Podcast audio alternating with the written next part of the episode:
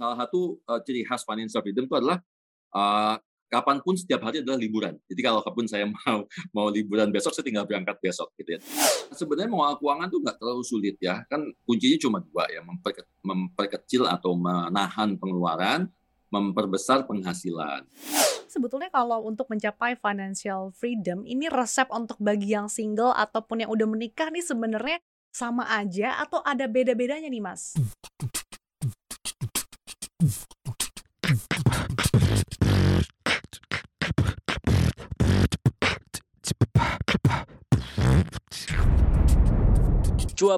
cuan. Halo, balik lagi di Cuap-Cuap Cuan. Nah, dalam segmen interview kali ini, kita akan ngobrol-ngobrol nih soal financial freedom. Kali ini bersama dengan Mas Aidil Akbar Majid, Ketua Asosiasi Perencana Keuangan Internasional Indonesia. Halo Mas Aidil, apa kabar? Halo, kabar baik. Oke, baik ya uh, Mas Aidil. Ini ngomongin soal financial freedom atau kebebasan keuangan, ini kan cukup menarik di kalangan masyarakat karena ini juga merupakan tujuan keuangan. Nah, tapi kalau misalkan kita lihat nih secara seksama, sebetulnya financial freedom ini apa sih dan indikatornya atau mungkin ciri-ciri orang yang sudah mencapai kebebasan finansial ini seperti apa? Ya, jadi sebenarnya uh, tidak ada apa ya, tidak ada konsensus yang menyatakan bahwa A itu financial freedom atau B itu financial freedom gitu ya. Jadi uh, kalau dikatakan financial freedom adalah ketika seseorang sudah tidak bergantung pada uh, pekerjaan utamanya, tapi mereka tetap bisa make a living. Istilahnya mereka tetap punya aset, punya investasi yang bisa memenuhi kebutuhan hidup uh, mereka. Sebagian bilang bahwa financial freedom itu kalau mereka udah pensiun gitu atau pensiun cepat, pensiun dini istilahnya gitu ya. Tapi ada juga orang yang mengatakan ah enggak enggak harus nunggu sampai pensiun kalau saya usia 30, 35 secara keuangan saya sudah stabil, saya sudah punya penghasilan yang bisa menutup uh, apa namanya pengeluaran bulanan saya gitu ya Eh, aset-aset saya, maka bisa masuk kategori financial freedom. Gitu. Oke, nah tapi kalau misalkan Mas Adi lihat sendiri, sebetulnya apa sih yang membuat orang sulit nih untuk mencapai financial freedom? Ya, uh, pertama mungkin ya balik lagi kepada gaya hidup ya. Gitu. Jadi uh, apalagi anak-anak muda zaman sekarang karena mudahnya akses untuk belanja pakai HP, semua bisa diorder secara online gitu ya uh, ada marketplace, uh, belanja online dan sebagainya membuat kecenderungan anak-anak zaman sekarang uh, jauh lebih boros dibandingkan generasi yang sebelumnya gitu ya, generasi X gitu ya. Nah, kemudian juga uh, tidak hanya belanja tapi juga aktivitas lain gitu. Kalau sekarang kan anak zaman sekarang anak milenial bilangnya bahwa yang penting adalah experience gitu ya. Iya, udah pernah negeri, udah pernah ke mana-mana. Nah, itu kan menyebabkan kecenderungan mereka uh, boros berdalih namanya self reward gitu ya. Jadi self rewardnya tiap hari, tiap bulan, tiap minggu self reward ya kan. Yang ada kalau self reward terus yang ada ya mereka tidak bisa uh, menabung, tidak bisa berinvestasi, tidak bisa mengolah keuangan dengan baik. Akibatnya tidak terkumpul asetnya sehingga uh, yang namanya financial freedom ya cuma jargon aja gitu. Saya pengen financial freedom tapi pada saat di, dihitung gitu uh, asetnya mereka tidak mencukupi untuk bisa mencapai tujuan tadi. Oke, nah tapi kalau sebetulnya kalau misalkan kita memberikan self uh, reward sendiri itu salah nggak sih Mas Aidil kalau misalkan tujuan kita untuk mencapai financial freedom? Apa kita harus hemat mulu nih, jadi nggak bisa untuk senang-senang? Ya, sebenarnya uh, self reward itu bagus ya. Jadi uh, kan dalam setiap tahapan kehidupan kita kan harus ada uh, milestone-nya ya, harus ada pijakannya gitu. Jadi dan itu harus sesuatu yang memang achievable. Nah, cuma yang sering terjadi saat ini adalah uh, generasi mudanya uh, eh, self rewardnya kebanyakan gitu ya. Jadi dikit-dikit jadi self reward itu dijadikan sebagai alasan aja sebenarnya. Self reward itu harus sesuatu yang memang uh, ada effort yang kita lakukan gitu ya. Misalnya contoh nih, aku setahun harus bisa nabung misalnya 25 juta setahun gitu ya. So kalau 25 juta yang sudah terkumpul selama setahun berarti kan kurang lebih 2 juta sebulan ya. Maka Eh, kelebihan di atas 2 juta, aku boleh belanjakan di satu bulan berikutnya. Nah, belanja yang satu bulan berikutnya itu adalah self rewardnya. Jadi ada uh, tujuannya, ada goalsnya, ada effortnya, kemudian tercapai dulu, baru kemudian kita memberikan reward kepada diri kita. Oke, menarik. Nah, tapi kalau misalkan kita melihat gitu ya, kalau misalkan tujuan kita memang financial freedom, Nah, kalau secara porsi keuangan ada pos-posannya sendiri nggak sih, Mas Ideal, supaya nanti kita bisa uh, mencapai financial freedom itu? Ya, Jadi gini, paling penting adalah ketika financial freedom kita harus tahu dulu uh, definisi buat kita financial freedom itu apa sih, gitu ya. Karena kan setiap orang beda-beda, ya. Buat saya beda. Kalau patokannya adalah financial freedom itu berhenti bekerja misalnya, gitu ya.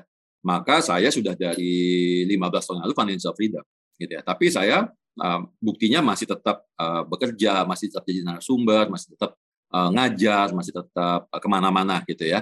Nah, jadi uh, kita harus tahu dulu uh, definisi financial freedom itu apa. Kemudian dari situ baru kita bisa ngitung. Karena ada orang yang bilang bahwa financial freedom itu adalah tetap saya bisa melakukan kegiatan uh, yang bisa menghasilkan uang, tapi kegiatan itu sesuatu yang saya sukai, gitu misalnya, gitu ya. Jadi kalau sekarang mungkin kerja itu hanya semata-mata ya supaya dapat penghasilan lah, gitu ya. Nah, mengejar sesuatu yang mereka sukai kan berarti harus butuh modal, ya kan. Misalnya mau buka usaha, saya suka grafis, mau bikin desain grafis, berarti mesti buka usaha. Nah, bikin usaha itu kan bagian dari financial, uh, financial freedom-nya dia. Karena kalau misalnya dia belum mencapai satu target nominal tertentu yang bisa membantu dia untuk kemudian berhenti bekerja dari pekerjaan dia sekarang dan melakukan apa yang dia suka tanpa dia harus khawatir tentang keuangan, maka uh, dia belum mencapai target itu. Nah, dari situ nanti baru bisa dikuantitatifkan, baru bisa dihitung tuh. Oke, berarti untuk financial freedom uh, satu uh, misalnya kebutuhan hidup saya berapa nih per bulan? 5 juta 10 juta misalnya. Ambil yang gampang aja yang mudah misalnya kelas menengah 10 juta deh per bulan misalnya gitu ya. Kemudian setelah saya tidak melakukan apa-apa next pertanyaannya adalah then what what should I do? Apa yang harus saya lakukan berikutnya? Karena ingat ketika kita sudah tidak bekerja di pekerjaan utama kita anything yang kita lakukan itu pasti either menghasilkan uang atau mengeluarkan uang. Ya kan jadi harus pastikan bahwa apa yang kita lakukan berikutnya adalah juga menambah pundi-pundi kita. Gitu. Jadi kita nggak hanya istilahnya mantap makan tabungan, nggak hanya itu ya, nggak hanya makan investasi gitu. Ya. Tapi uh, sesuatu yang tadi, gitu. contoh misalnya aku suka fashion mas, gitu. Jadi aku pengen pengen bikin uh, apa uh, uh, butik misalnya gitu ya. Ya sudah, berarti uh, part of financial freedom-nya adalah uh, uh, goals owning a butik misalnya. Nah itu berapa sih biayanya untuk bisa punya butik? Bisa punya tukang jahit, berapa biaya operasionalnya itu kan harus dihitung juga gitu ya. Jadi uh, balik lagi, tapi ada juga orang yang bilang bahwa oh saya nggak mau ngapa-ngapain mas. Nah ingat ketika kita nggak ngapa-ngapain, ketika kita sudah uh, kan ini kan kalau financial freedom istilahnya masih usia produktif ya, gitu ya. Karena kan kalau misalnya kita ngikutin sampai usia 55, 56 ya berarti itu pensiun ya, secara ya. normal gitu ya. Nah, ketika kita usia produktif berarti tadi ketika kita melakukan sesuatu yang tidak menghasilkan uang, ujung-ujungnya ada apa? Ujung-ujungnya adalah kita mengeluarkan uang. Gitu. Nah, kuat nggak nih secara finansial? Berapa hitungannya? Apakah punya uang satu miliar cukup? Gitu ya. Mungkin cukup hanya untuk bertahan satu dua tiga tahun, tapi setelah itu pasti akan berkurang karena sudah kita tarik setiap bulan untuk biaya hidup kita gitu. So jadi okay. dari situ baru kita tahu nih nanti porsinya nih apakah saya membutuhkan misalnya 20% atau 30% dari income saya untuk dipersiapkan untuk financial freedom tadi. Oke. Okay. Nah, tapi apakah ini artinya selain dari pekerjaan utama kita, kita juga harus nyari pekerjaan lain nih, Mas? Karena kalau misalkan kebanyakan nih masyarakat ya, terutama milenial udah kerja bagai kuda sen, uh, dari pagi sampai malam, tapi kok perasaan duitnya nggak cukup-cukup nih, Mas Aidil? ya itu tadi. Um, kalau memang dirasa uangnya nggak cukup dari pekerjaan pertama dan kemudian memang uh, istilahnya udah mentok ya dari sisi penghasilan nggak mungkin naik lagi lah karena memang jabatannya segitu, emang salary cap-nya di kantor segitu, ya nggak ada salahnya ambil pekerjaan yang kedua. Bisa. Okay. Makanya kenapa uh, di luar negeri ngetop banget dan Indonesia juga sudah, sudah sekitar 2-3 tahun terakhir itu uh, ngetop sekali jargon kita perbanyak side hustle. Side hustle itu bisa macam-macam gitu ya. Bisa jualan, bisa memang kerja lagi, tapi sesuatu yang kita suka. Misalnya saya sukanya passion saya adalah kopi gitu. Nggak, sekarang udah nggak malu orang orang-orang seperti saya yang pagi sekolah kerja kantoran, sore ke malam kerja di kafe sebagai barista misalnya. Itu kan nambah income. Tapi income yang dari baristanya ini dipakai untuk persiapan financial freedom plus misalnya ya buat gua jalan-jalan deh atau buat self reward ya dari sini gitu misalnya. Itu bisa oh, juga. Oke, jadi manajemen keuangannya juga penting ya Mas Aidil. Nah, kalau ngomongin soal utang, kalau misalkan kita punya utang nih bisa nggak ya mencapai financial freedom? Nah, berapa persen sih maksimal dari total keuangan kita nih atau mungkin dari gaji kita uh, porsi dari uh, utang ini? Ya, kalau sudah financial freedom, memang sebaiknya kita sudah tidak punya utang lagi, gitu ya. Karena kan uh, kita mau hidup dari uh, kekayaan kita. Freedom itu kan artinya kita bebas melakukan apa pun yang kita mau, gitu. Tapi kalau kita masih kepikiran mesti bayar cicilan dan lain sebagainya, ya jatuhnya masih belum freedom gitu ya. Tapi balik lagi di definisinya beda-beda. Ada orang yang misalnya bilang bahwa tapi nggak apa-apa saya nggak punya utang kecuali saya masih punya cicilan KPR misalnya. Nah kalau memang seperti itu berarti pastikan bahwa cicilan KPR itu bisa terpenuhi dengan aset yang sudah ada sekarang atau dari hasil investasi dari aset kita gitu. Sekarang ini kan anak muda banyak sekali yang investasi uh, main saham gitu ya. Uh, bahkan udah masuk ke kripto, bahkan masuk ke forex itu itu banyak sekali dari mereka yang tiba-tiba kaya mendadak gitu ya. Dari tadinya modal cuma 20 juta, 50 juta tiba-tiba bisa punya 5 miliar. 10 miliar, 20 miliar gitu ya. Tapi kesalahan yang mereka lakukan berikutnya apa? Berikutnya adalah kemudian mereka tergugah tuh dengan gaya hedonnya mereka karena ngelihat di YouTube-nya uh, pujaannya harus pakai sport car gitu ya. Akhirnya belilah mobil yang harganya tiga setengah miliar, 4 miliar gitu ya. Nah itu uh, kalau memang uh, hasil dari investasinya melebihi dari itu gitu ya, dua tiga sampai lima kali lipat dari itu, uh, beli mobil sport mungkin bagian dari self reward tadi gitu ya. Tapi kalau baru dapat 5 miliar, 7 miliar, kemudian setengahnya atau tiga per yang dipakai buat beli mobil sport, ya jatuhnya masih belum masih belum financial freedom nanti ya. Ujung-ujungnya ketika nggak punya uang, mobilnya mesti dijual gitu kan. Nah, itu yang kita tidak inginkan. Gitu. Oke, nah kalau untuk investasi sendiri, kira-kira sebagai milenial investasi apa sih yang menarik nih uh, Mas Aidil? Mungkin boleh dicoba nih teman-teman supaya bisa mencapai kebebasan finansial. Ya, kalau investasi kan sebenarnya produknya tidak terlalu banyak variasi ya. Uh, produk uh, uh, investasi yang kita tahu pasti basisnya adalah kalau nggak saham obligasi. Ada juga produk turunannya yaitu reksadana gitu ya. Jadi kalau untuk sesuatu yang sifatnya secure, uh, resiko lebih rendah, mungkin kita masuknya ke reksadana. Nah, pilihannya macam-macam, ada pasar uang, pendapatan tetap, ada campuran, ada saham. Kemudian sedikit obligasi, sedikit juga di emas. Nah, karena masih muda biasanya masih menggebu-gebu tuh ya, masih berani ngambil resiko, masih pengen mencari tantangan biasanya. Nah, masuklah ke saham. Saham ini bisa juga dengan dua strategi. Bisa kita sebagai investor akumulasi atau bisa juga kita trading saham. Nah, buat mereka yang memang profil resikonya lebih tinggi lagi, kalau udah trading saham biasanya udah mentok tuh, ah segini-segini aja nih trading saham gitu kan. Gue cari lagi nih yang yang lebih tinggi, yang lebih seru. Nah, baru mereka masuk ke uh, produk keuangan yang lebih tinggi lagi resikonya seperti tadi kripto atau juga forex biasanya. Nah itu uh, pastikan ketika kita masuk ke produk-produk keuangan yang resiko lebih tinggi seperti kripto dan uh, forex itu tidak boleh uang-uang uh, uang panas. Jadi uang yang dipakai buat kebutuhan sehari-hari itu nggak boleh. Ya jadi benar-benar uang dingin, uang yang kita investasikan yang tidak dipakai, yang kalaupun sampai rugi ya udah nggak akan mengganggu kita secara keuangan. Tapi kalau tiba-tiba untung jackpot naik 1000% misalnya, sekarang banyak banget uh, investasi yang bisa naik 1000% ya. Jadi kayak kripto gitu, uh, forex bisa naik sampai 1000%. Nah, itu yang ya mungkin satu dari 100 orang lah yang bisa dapat seperti itu gitu. Tapi pastikan itu tidak menggunakan uang kebutuhan kita sehari-hari, tapi uang yang memang dialokasikan untuk investasi jangka panjang atau untuk trading. Oke, jadi investasi tadi balik lagi, tadi harus pakai uang dingin dan sesuaikan dengan profil risiko kita ya Mas Aidil. Nah, uh, ngomong-ngomong nih, uh, Mas Ainil, uh, banyak juga milenial atau teman-teman di usia muda ini kan terjebak nih dalam kondisi sandwich generation. Nah, sebagai orang-orang yang mengalami kondisi ini atau di situasi ini, bisa nggak sih mencapai financial freedom? Uh, mungkin aja, bisa aja. Tapi memang kita harus berstrategi untuk bagaimana bisa lepas dari sandwich generation tadi, gitu ya. Jadi uh, kalau orang tua ya sudah kita nggak mungkin bisa mengelak, kita tetap harus bantu orang tua ya. Kalau memang berat, mungkin kita bisa patungan dengan kakak atau adik kita itu satu ya.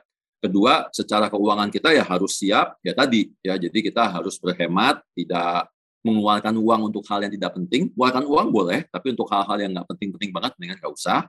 Investasi sebanyak-banyaknya, kemudian side hustle atau second job sebanyak-banyaknya. Jadi benar-benar cari uang gitu ya cari uang. Tapi cari uangnya ya bisa dipakai juga untuk liburan bisa juga dipakai untuk uh, eh, self reward kita di luar kalau kita udah siapkan untuk masa depan. Nah yang tidak kalah penting adalah bagaimana kita ngebreak kan sandwich itu kan atas bawah ya rotinya atas ini orang tua bawah ini anak. Nah kita ngebreak siklus si anaknya. Nah anak ini harus kita persiapkan kita berdayakan untuk dia bisa siap masuk ke dunia pekerjaan sedini mungkin. Jadi jadi anak tidak hanya dibekali oleh uh, pendidikan uh, formal gitu ya kampus kuliah segala macam tapi anak juga dibekali oleh pendidikan uh, uh, aplikatif gitu ya. Jadi kalau anaknya suka gambar ya udah sekarang udah banyak kok sekolah-sekolah online misalnya dari Google dari mana gitu ya yang dia bisa ngambil sertifikasi online untuk ngedesain.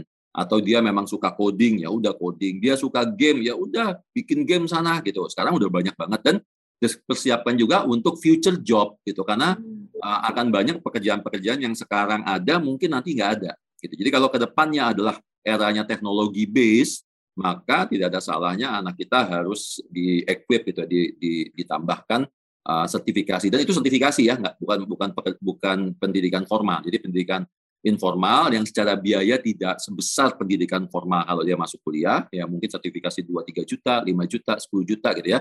Masih bisa kita cicil dari cash flow bulanan atau kita tabung per tahun misalnya. Dan anak dikasih itu sehingga uh, mereka mulai dari sedini mungkin mungkin mereka dari mulai SMP gitu ya kelas 13, 14, 15 atau mungkin SMA mereka udah bisa berkarya dan karyanya sudah bisa menghasilkan uang gitu sehingga mereka sudah bisa mandiri bahkan sebelum mereka masuk bangku kuliah gitu ya bahkan udah punya uang dan uh, udah punya bisnis bahkan gitu nah dari sini uh, satu kita mengajarkan anak kita bahwa yang namanya bekerja tidak harus di perusahaan bahwa mereka juga bisa jadi entrepreneur gitu ya kedua ma, kalaupun mereka mau kerja di perusahaan mereka tetap bisa punya side hustle ketiga mereka sudah bisa tanda kutip financial independent dalam arti kata tidak bergantung orang tua minimal untuk uang jajannya mereka gitu ya nah jadi ketika ini kita udah membreak siklus sandwich kita nih. Yang atas orang tua mau nggak mau kita harus biayai, tanggung jawab kita sebagai anak. Tapi siklus sandwich yang bawah, roti yang bawahnya, kita break dengan cara mempersiapkan anak-anak kita dengan uh, tadi ya tambahan-tambahan keterampilan.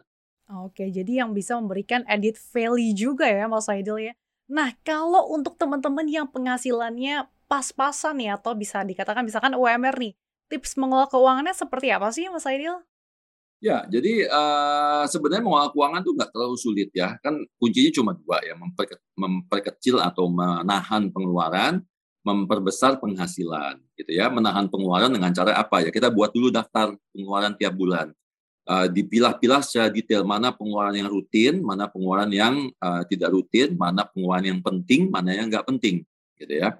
Nah itu kita kita buat daftarnya. Yang tidak penting dan tidak rutin itu dicoret dulu, gitu ya uh, memang harus ada pengorbanan. Setahun, dua tahun, tiga tahun, lima tahun kita nggak main dulu sama temen, kita nggak jalan-jalan dulu ke luar kota, gitu ya.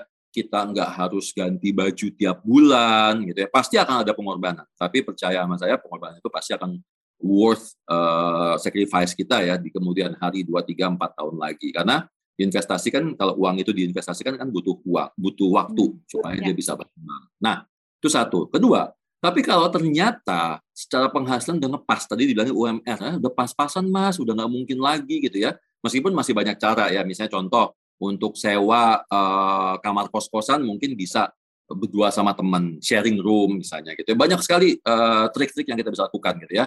Uh, makan bisa masak di rumah, di masak di kosan dan lain sebagainya yang memang kita bisa menghemat 50.000 sampai 100.000 sampai 300.000 per bulan misalnya. Cuma orang kadang-kadang ngelihat angka itu terlalu kecil, ah cuma 50 ribu, ah cuma 300 ribu gitu. Tapi ingat loh, 300 ribu, 400 ribu per bulan itu kalau di, di pembaginya adalah UMR yang 4 juta itu 10 persen loh. Ya, 10 persen itu cukup besar kalau untuk orang mulai bisa menabung investasi dengan penghasilan mereka yang UMR. Tapi kalau memang ternyata udah mepet, nggak bisa lagi nih udah udah ini berarti uh, uh, pengeluaran kan nggak bisa dikurangi, maka harus nambah income. Nah, income apa tadi? Ya, yang paling mudah adalah ya second job. Ya, second job itu bisa macam-macam. Tadi sesimpel kayak uh, kerja di mana? Uh, di kafe misalnya. Uh, nggak perlu malu lagi jadi barista, nggak perlu malu lagi jadi uh, sekarang udah kayak di luar negeri kok. Zaman saya dulu, saya di Amerika, saya kerja di restoran. Ya, saya jadi waitress, nggak malu gitu ya. Kenapa mesti malu kayak saya, kalau saya bisa bawa uang 2000 dolar sebulan kan nggak malu ya 20 juta sebulan gitu ya. So, jadi uh, ada main job, ada second job. Atau second jobnya bisa jadi kurir, bisa jadi yang lain-lain tergantung. Atau yang punya keterampilan. As simple as saya bisa main basket, jadi coach basket, ya. Saya bisa bahasa Inggris, jadi uh, apa guru bahasa Inggris, guru private, gitu ya. Apa pun keterampilan yang kita miliki, yang kita bisa, itu kita bisa offer ke orang, baik secara langsung maupun sekarang pakai online, pakai ya. Zoom yeah. seperti ini. Uh, yang bisa menghasilkan uang minimal hobi kita terpenuhi tanpa kita harus keluar uang. Contoh, saya hobinya main basket, saya jago main basket. Kan kalau main basket mesti sewa lapangan, 300 ribu, 400 ribu gitu ya. Dengan kita jadi coach basket, satu, kita dapat income, mungkin sebulan dapat 500 ribu gitu ya, ngelatih anak-anak kecil. Kedua, saya tetap bisa main basket tanpa saya harus keluar uang 300 ribu. Jadi sebenarnya nettingnya saya 800 ribu dapat tuh, gitu ya. 500 ribu dari ngajar, 300 ribu dari uh, tidak keluar uang, gitu. Nah, 800 ribu tadi saya bisa investasikan. Gitu. Oke, jadi memang harus cari side job dan juga yang penting jangan gengsi. Oke, nah tapi sebetulnya kalau untuk mencapai financial freedom, ini resep untuk bagi yang single ataupun yang udah menikah nih sebenarnya sama aja atau ada beda-bedanya nih Mas? Oh iya, uh, pasti beda ya karena kan kondisi keuangan kan uh, beda ya. Kalau yang masih single relatif tidak punya hubungan ya, tidak punya beban gitu ya. Ya artinya ya kalau duit udah mepet ya mepet aja. Paling kalau dia nggak punya uang dia nepeng nama temennya gitu ya, puasa gitu ya, minta ditraktir, nggak perlu pakai malu, nggak perlu pakai gengsi. Tapi ketika sudah menikah, maka dia punya tanggungan, dia punya orang-orang yang bergantung hidup, maka secara pengeluaran harus lebih besar dan secara persiapan dananya juga harus lebih besar. Karena kenapa? Karena nggak nggak hanya untuk diri kita, kita bicara yang satu ngurusin untuk diri sendiri 2-3 juta per bulan cukup, yang satu ngurusin satu keluarga, ya kan, mungkin suami istri anak satu atau anak dua, nggak akan cukup. Satu juta dua juta per bulan, mungkin hanya buat makannya aja udah habis 3 juta per bulan, ya, belum biaya pendidikan anak, belum biaya transportasi dan lain sebagainya. Nah, jadi uh, kalau untuk investasinya mungkin relatif hampir sama ya. Cuma nanti tinggal kita lihat ada yang namanya dana darurat emergency fund-nya kan pasti beda ya. Mereka yang masih single emergency fund tiga bulan udah cukup gitu ya. Tapi kalau mereka yang udah punya keluarga emergency fund-nya atau dana daruratnya bisa 6 sampai 12 bulan bahkan bisa lebih gitu ya. Tergantung apakah pasangan kita kerja atau tidak gitu. Nah alternatif lagi apa tadi? Apa pasangan bisa bekerja membantu kita.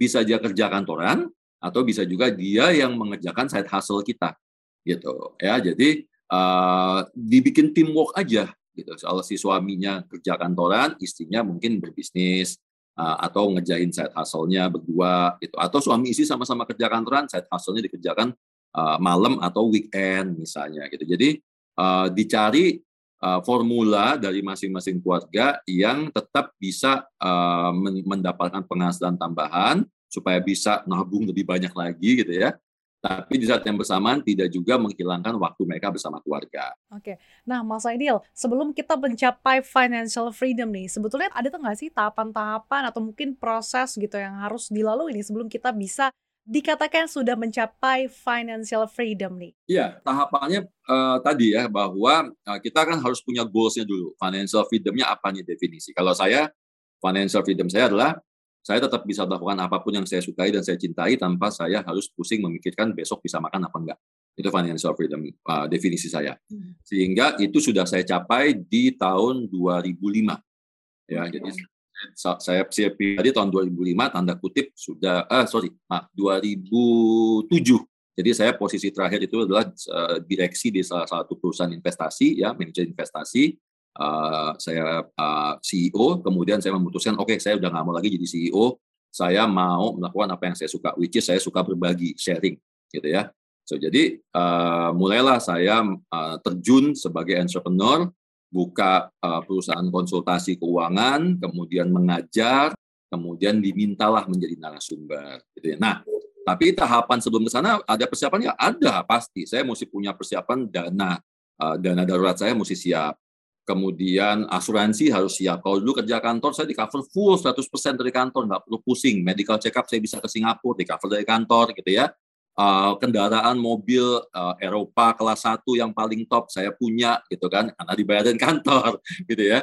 Tapi begitu udah sendiri, kan semua itu hilang. Fasilitas itu pasti hilang. Nah, itu harus saya cover juga. Jadi saya mesti siapkan asuransi, kemudian saya mesti siapkan kendaraan. Tadi gengsi tadi harus diturunkan, jadi udah nggak kalau di dunia pasar modal seperti saya dulu kan patokannya adalah lo baru bos kalau lo pakai mobil keluaran Jerman gitu kan. So jadi sekarang saya harus balik lagi nih ke mobil biasa gitu ya. Ya udah nggak apa-apa gitu kan. Nah uh, itu salah satu bentuk pengorbanan. Kemudian berikutnya strategi berikutnya apa? Oke uang saya ini bisa bertahan sampai berapa lama? Uh, setelah saya hitung jumlah aset saya, tabungan saya, investasi saya, oke saya bisa bertahan sekitar eh, tujuh tahun sampai 10 tahun nih dari uang saya.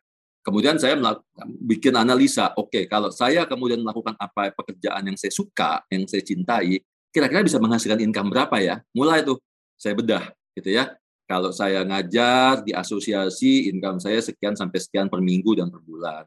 Kalau saya ngajar di kampus, income saya sekian. Kalau saya diminta jadi narasumber, income saya sekian. Kalau saya diminta kasih training in-house, income saya sekian gitu ya.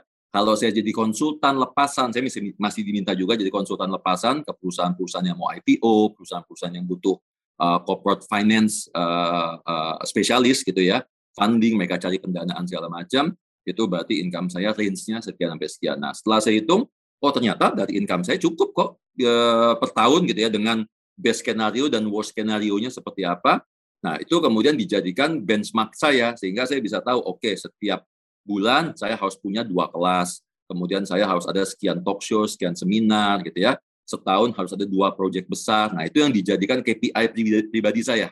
Tapi saya tetap melakukannya dengan senang hati. Karena kenapa? Saya bebas. Karena ketika saya yang salah satu uh, ciri khas financial freedom itu adalah uh, kapan pun setiap hari adalah liburan. Jadi kalau kapan saya mau mau liburan besok, saya tinggal berangkat besok gitu ya. Dan uh, liburan juga saya bisa sambil kerja gitu ya. Saya masih bisa ngajar lewat Zoom sambil liburan. Kemarin saya lagi acara seminar di Surabaya, paginya saya seminar offline, siangnya saya seminar online, kemudian besoknya saya jalan-jalan di Surabaya, kuliner segala macam. Jadi itu satu pekerjaan, satu kota, saya bisa melakukan 3 sampai empat pekerjaan plus jalan-jalannya, gitu, bagian dari liburan tadi. Nah, itu bisa dicapai setelah kita bisa tahu. Gitu. Sehingga uh, dana saya yang sudah saya persiapkan tadi 7 sampai 10 tahun saya bisa investasikan dan itu menjadi bagian dari dana darurat saya sehingga ketika terjadi satu hal yang memang misalnya di jobnya lagi sepi gitu ya ngajarnya lagi sepi dan sebagainya seperti pada saat pertama kali awal pandemi saya nggak perlu khawatir. Karena saya masih punya dana tujuh untuk hidup tujuh tahun gitu dengan iya. aset saya gitu ya. Sehingga saya mesti tahu oke okay, ini uang harus diinvestasikan ke mana nih supaya maksimal? Berapa persen yang saya investasikan buat jangka panjang berapa persen yang saya investasikan buat jangka pendek sehingga kalau sewaktu-waktu saya nggak punya uh, penghasilan lagi dari apa pun yang saya senangi maka saya masih bisa hidup, masih bisa makan dari uh, aset saya. Oke. Mas Aidil mungkin ada nggak sih tips and trick atau mungkin jurus gitu nih dari Mas Aidil untuk uh, Sobat Cuan yang punya mimpi untuk mencapai financial freedom nih apa sih yang bisa dilakukan nih dalam waktu uh, yang jangka pendek ini? Oke, pertama ya hilangkan gengsi. ya, Kedua, gengsi itu inti hubungannya apa? Jangan ikutan nama teman-teman. Peer pressure itu menghabiskan uang, itu ya. Kalau teman ganti HP, nggak perlu ganti HP. Selama HP kita masih bagus, pakailah. HP itu bisa bertahan 3 sampai lima tahun. HP saya udah tiga, jalan 4 tahun, the only reason saya mesti ganti karena memori udah nggak cukup. Waktu beli dulu memorinya kekecilan gitu ya. And itu jadi pelajaran, oke, okay, next time berarti pada saat saya ganti, saya harus beli yang memorinya paling besar supaya HP itu bisa bertahan the next four years lagi, masih bisa 4-5 tahun lagi. gitu. Nah, kayak gitu ya. Ngumpul-ngumpul boleh, tapi nggak nggak perlu terlalu sering, gitu ya. Ngumpul seminggu sekali masih fine. Tapi kalau ngumpul tiap hari, ngopi tiap hari, nah itu mungkin udah udah kelebihan, udah terlalu, gitu ya. Terus kemudian belanja juga nggak terlalu harus penting-penting banget. Sekarang juga masih pandemi ya, masih social distancing gitu kan. Jadi kita nggak harus belanja mingguan, bulanan, rutin uh, untuk pakaian dan sebagainya. Kalau belanja pada saat ada diskon boleh ya selama memang sudah ada budgetnya. Memang kita punya budget. Misalnya tadi, misalnya saya budget belanja mas setiap bulan saya menghabiskan 400 ribu buat belanja. Misalnya biasanya cewek-cewek nih 500 ribu. Ya udah kenapa nggak dibikin 500 ribu, dibikin per dua bulan sekali 250 ribu sehingga itu dipakainya pada saat ada diskon. Jadi benar-benar promo-promo tanggal cantik itu 11-11, 12-12 tuh benar-benar dipakai gitu ya. Yeah. Uh, jadi tetap bisa memenuhi hobi belanja tadi, tapi dengan harga setengahnya gitu ya. Tapi dibajetin. Kalau memang nggak bisa, tetap boros, ya udah sama sekali nggak usah belanja. Gitu. Nah itu dua. Ketiga, um, apa namanya tadi ya kita mesti mengorbankan diri ya, sacrifice ya. Jadi uh, nggak nongkrong-nongkrong gitu ya nggak harus yang pergi malam. Karena pergi malam itu minimal kita mengeluarkan 500 ribu sampai sejuta loh. Ya kalau kita duduk di sofa um, yang anak muda zaman sekarang buka botol minum dan sebagainya itu minimal 500 ribu sampai sejuta. Ya kalau dikalikan tiga seminggu sekali tiga sampai empat juta uh, per bulan. Itu nah itu uh, dihilangkan dulu gitu ya. Uh, untuk sementara karena kalau misalnya kita lakukan itu sampai satu dua tiga tahun ke depan kita udah bisa menabung meng, mengsisihkan antara 12 juta sampai 50 juta selama tiga tahun ke depan. Hanya dengan cara mengurangi pengeluaran-pengeluaran yang nggak penting tadi. Jadi fokus itu ya. Kemudian dari situ tadi uang tersebut diinvestasikan. Kalau bisa cari side income, side hustle yang menghasilkan uang sehingga menambah pundi-pundi kita. Terus karena masih muda investasilah secara agresif. kita bisa investasi agresif kalau kita udah punya dana darurat yang cukup. Jadi make sure kita punya emergency fund kita cukup, yang single kan tadi harusnya tiga bulan ya. Pastiin deh punya emergency fund 6 bulan deh double. Double di emergency fund.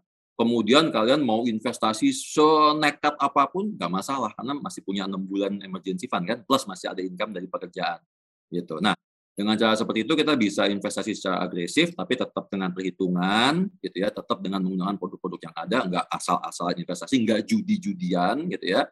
So jadi uh, dari situ nanti uh, mulai akumulasi aset. Biasanya kita berkorban tuh sekitar 3 sampai lima tahun kok ya mm-hmm. lima tahun itu kita udah bisa mengumpulkan kalau dengan dengan mengurangi gaya hidup kayak tadi ya kalau kita bisa invest 1 sampai dua juta per bulan lima okay. tahun itu kita udah punya ratusan juta Wah, oke. Okay. Tadi sudah uh, cukup komprehensif sekali Mas Aidil tips and triknya nih tadi ya, mengurangi hal yang gak penting. Terus tadi yang pertama hilangkan gengsi. Terus kalau bisa ya teman-teman belanja dan juga nongkrong ini kalau perlu selama ada budgetnya aja, jadi jangan di luar dari budgetnya. Selain itu juga tadi ditambahkan kalau bisa ada juga side job dan kemudian investasi yang agresif gitu ya. Hal-hal kecil yang bisa kita lakukan dalam jangka waktu pendek ini mudah-mudahan di sekitar 3 sampai 5 tahun kita sudah bisa mencapai yang namanya financial freedom ya sobat cuan. Terima kasih Mas Aidil atas waktunya sehat selalu untuk Anda. Ya, sama-sama. Sobat cuan, jangan lupa ya untuk dengerin podcast cuap-cuap cuan di Apple Podcast, Spotify dan juga Google Podcast. Nah, yang belum follow Instagram cuap-cuap cuan, jangan lupa juga di at cuap underscore cuan. Kemudian Sobat Cuan, bagi yang belum subscribe YouTube, jangan lupa juga untuk subscribe dan juga share, like sebanyak-banyak ya di cuap-cuap cuan. Oke deh, kalau gitu saya Andi Chaldi pamit. Sampai jumpa di cuap-cuap cuan berikutnya. Dadah!